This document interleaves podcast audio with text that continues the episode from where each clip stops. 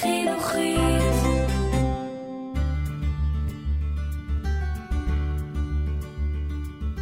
המדריך לשביל ישראל, פרק 33, ממצד תמר למכתש הגדול, עם יואב גלזנר.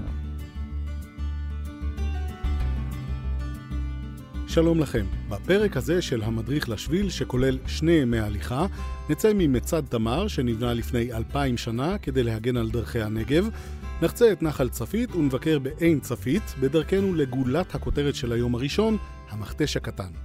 נחצה את המכתש, נראה את החולות הצבעוניים המפורסמים שבו, ונשמע על המינרלים שיוצרים את הצבעוניות המשגעת הזאת. את הלילה נבלה ליד מצפה המכתש, או בחניון הלילה במעלה עקרבים. ולמחרת נתחיל את יומנו במצד צפיר. נטפס במעלה ימים ונתהלך באפיק נחל חתירה, שבו נראה שרידי מאובנים, מפל ואת מעלה הפלמח. נשכשך בעין יורקעם לפני שנעצור בחניון הלילה של החולות הצבעוניים, המשקיף למכתש הגדול. בעלי האנרגיה שבינינו ימשיכו עוד ויחנו ללילה ליד אורון. אז קדימה, כובע, הרבה מים, בקבוק אחד ריק לחול הצבעוני ומצב רוח טוב. אני יואב, ואנחנו יוצאים לדרך.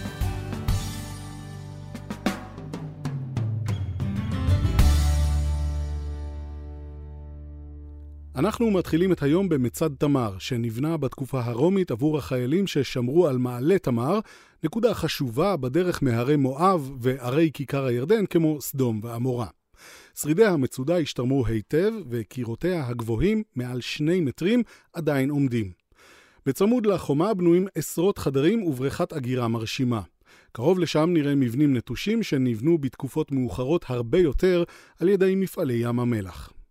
נחצה את נחל צפית ונגיע אל עין צפית, מעיין שידרוש מאיתנו סטייה קטנה מהשביל כדי לבקר בבריכה שיש בה מים לאורך כל השנה.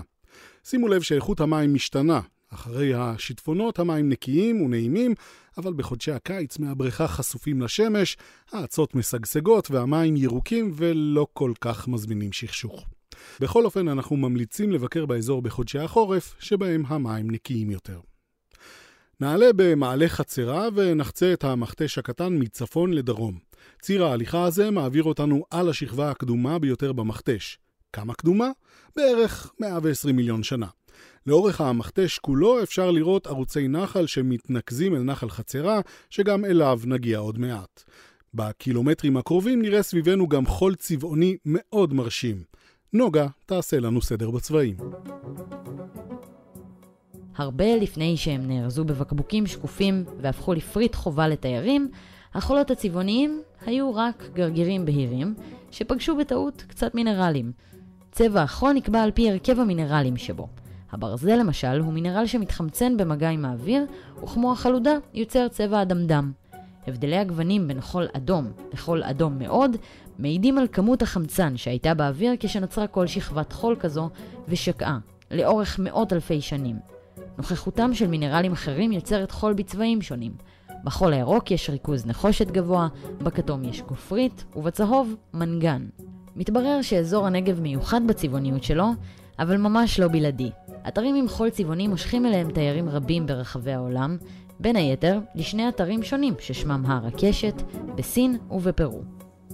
אנחנו פונים אל נחל חצרה ואל צידו המערבי של המכתש ועוברים אתר קידוח שבו נשאבים מים מליחים המשמשים את המפעלים באזור. כשנגיע אל קיר המכתש המערבי, נתחיל בעלייה התלולה במעלה עלי, על שמו של עלי בן צבי, בנו של יצחק בן צבי, נשיא המדינה השני.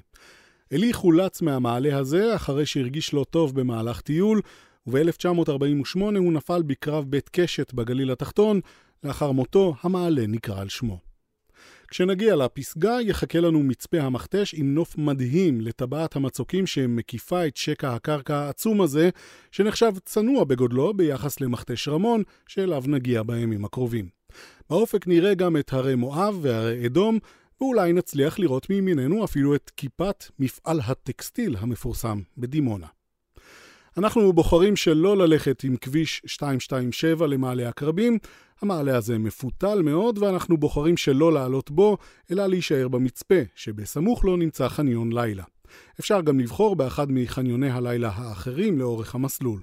אגב, שמו של מעלה עקרבים לא קשור בכלל לחיה הארסית, אלא נגזר מהמילה הערבית לפיתולים. העקרב הוא טורף קטן השייך לסדרה של חסרי חוליות ממחלקת העכבישניים. לעקרב יש ארבע זוגות רגליים המשמשות להליכה, ועוד שתי זרועות חסונות עם צוותות בקצותיהן. הוא נוהג לאחוז את ירפו, ואז להניף את זנבו קדימה מעל גופו, ולנעוץ בקורבן עוקץ מלא בארס. בעולם יש למעלה מ-1,700 מיני עקרבים. אנחנו בארץ צנועים ומסתפקים בכמעט 20 מינים, ובהם שלושה מינים שנחשבים מסוכנים לאדם. קטלן דו-גוני, קטלן אב זנב ועקצן צהוב. עם זאת, גם עקיצתם של עקרבים שלא נחשבים מסוכנים לאדם, עלולה להיות מסוכנת לילדים ולבעלי רגישויות ואלרגיות. לעקרבים יש תכונה שמעטים מכירים. גופם זוהר כאשר מאירים עליו באור אולטרה סגול. זאת בשל ההרכב הקימי של השריון החיצוני הקשיח שלהם. את הבוקר השני שלנו נפתח בהליכה אל מצד צפיר, חורבה מהתקופה הביזנטית שנמצאת בראש מעלה צפיר, ונועדה להגן על החאן שאת שרידיו אפשר לראות למרגלותינו. אנחנו מגיעים לכאן ממזרח, אבל השביל שעובר במעלה צפיר מדרום בנוי על דרך רומית, ומזוהה לעיתים כמעלה עקרבים המקראי. גובה קירותיו של המצד שני מטרים וחצי, והמדרגות מגלות לנו שלמבנה הזה הייתה פעם קומה נוספת, או עמדת תצפית עליונה. שמו הערבי של המקום הוא שריקת הרוח, והרוחות החזקות שנושבות כאן גם מבהירות לנו למה. מהתצפית נוכל להבחין בקלות במרחבי הערבה שהם משתרעים במרחק ממזרח ובעיקר מדרום לנו. גם לשם עוד נגיע, אבל בינתיים נעזוב את המצד ונמשיך בכיוון ההפוך, בדרכנו מערבה. נזכה בהצצה מרחוק על קניון נחל גוב, שהביקור בו לא מומלץ למי שסובל מפחד גבהים. במפגש הנחל עם בקעת סין, שאותה נראה מחר, גדל העץ היחיד בנגב הצפוני מזן המורינגה הרותמית, צמח סודני ממוצא טרופי. הוא גדל לרוב בנאות מדבר וניתן להסיק שמי התהום באזור קרובים יחסית לפני הקרקע. מורינגה רוטמית הוא עץ נדיר שמקורו בסודאן ומזכיר במראה שלו את שיחי הרותם. פריחת המורינגה, או ורודה, ופירותיה גדלים בתרמילים שדומים לתרמילי האפונה. קרובת המשפחה המפורסמת ביותר של המורינגה הרוטמית היא המורינגה המחונפת, שמקורה בהרי ההימאליה.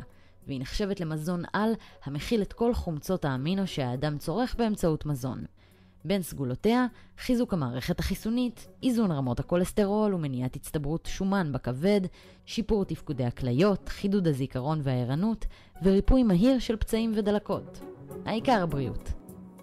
ההליכה ממצד צפיר עד מעלה ימין רגועה ולא מאתגרת, אבל הטיפוס לראשו לא פשוט ועשוי לקחת כשעה.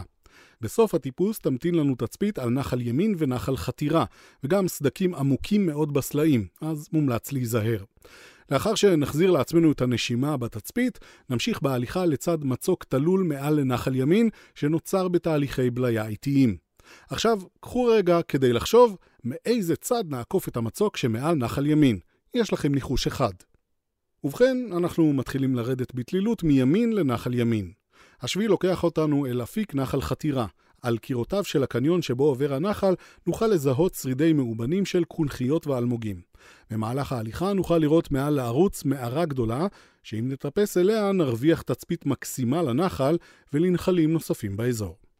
לאחר כשני קילומטרים בנחל חתירה נגיע אל מפל יבש ואל מעלה הפלמח, שנחצב בידי פלמחניקים שעברו לא רחוק מכאן לפני קום המדינה במסעם לרביבים. האגדות מספרות שהלוחמים השתמשו ברובים האישיים שלהם כשלבי סולם שעליו טיפסו. רק מאוחר יותר הונחו כאן כ-20 שלבי ברזל המאפשרים את העלייה בביטחון רב קצת יותר.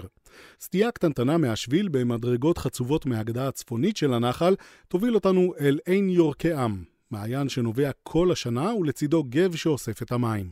אנחנו קרובים מאוד לסיום המקטע, אז אם מתאים לכם לשכשך לפני העצירה ללילה, זה בדיוק המקום. ביורקעם יש גם חניון לילה למי שמעוניין. אפשרות נוספת היא להמשיך במסלול עד כביש 206 ולסיים שם את המסלול של היום. צפונית לכם, בכניסה למכתש הגדול, ממתין חניון החולות הצבעוניים, נקודה אפשרית נוספת לחניית לילה. אם נותר לכם זמן עד החשיכה וגם כוח לצעוד, תוכלו להמשיך בשביל עד חניון הלילה במפעלי אורון, שם גם ניתן למלא מים להמשך המסלול. המדריך לשביל ישראל, כל מה שצריך לדעת על השביל של המדינה. תחקיר ותסריט סיון רדל, קריינות נוגה קליין, עריכה והפקה יואב גלזנר וגידי שפרוט.